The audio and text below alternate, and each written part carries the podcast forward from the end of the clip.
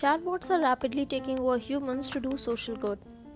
Technology today has broadened the scope of social work to an extent that chatbots are surpassing humans in bringing positive social changes.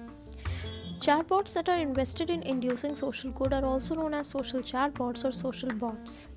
When talking about social good, we need to consider the ordeals of the underprivileged and the psychologically drained ones.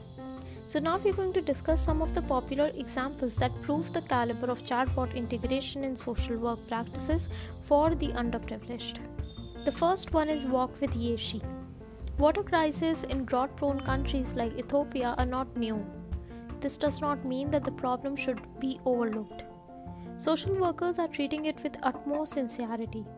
To make the problem known to more people, Walk with Yeshi is a chatbot in Facebook Messenger that takes user on a long walk with the natives of Ethiopia. The aim is to highlight the struggles of young women and girls for water needed for survival and how they walk for long distances daily for water. The chatbot also connects the users with the women walking for water by which you can interact with them to understand their struggle better. The next is IDA. IDA is also addressed as a chatbot for good. It is an AI driven social worker. It stands out from other approaches as it does not aim to raise funds or distribute pamphlets. It aims at bringing collaboration and calls to action.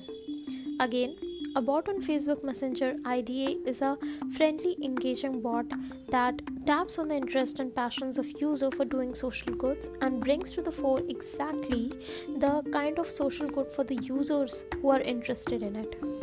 The next is chatbots in curing psychological disorders.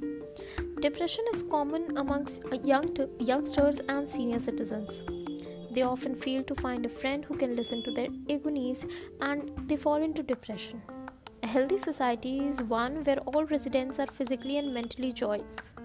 To bring this into action, medical experts and healthcare practitioners participate in designing bots that can be friends to the psychological agonized people in a society.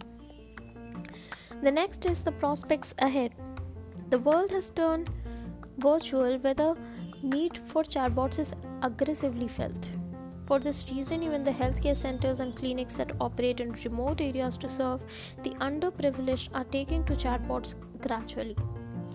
Integrating chatbots in the healthcare and education system eliminate inhibitions that may come from geographical and cultural factors. Knowing that chatbot unlike humans are not likely to judge or be biased, people can be frank with their struggles and problems. Governments of various nations are striving to educate the underprivileged about technology. The distribution of smartphones and gadgets that have bots available are parts of the initiative taken for social good.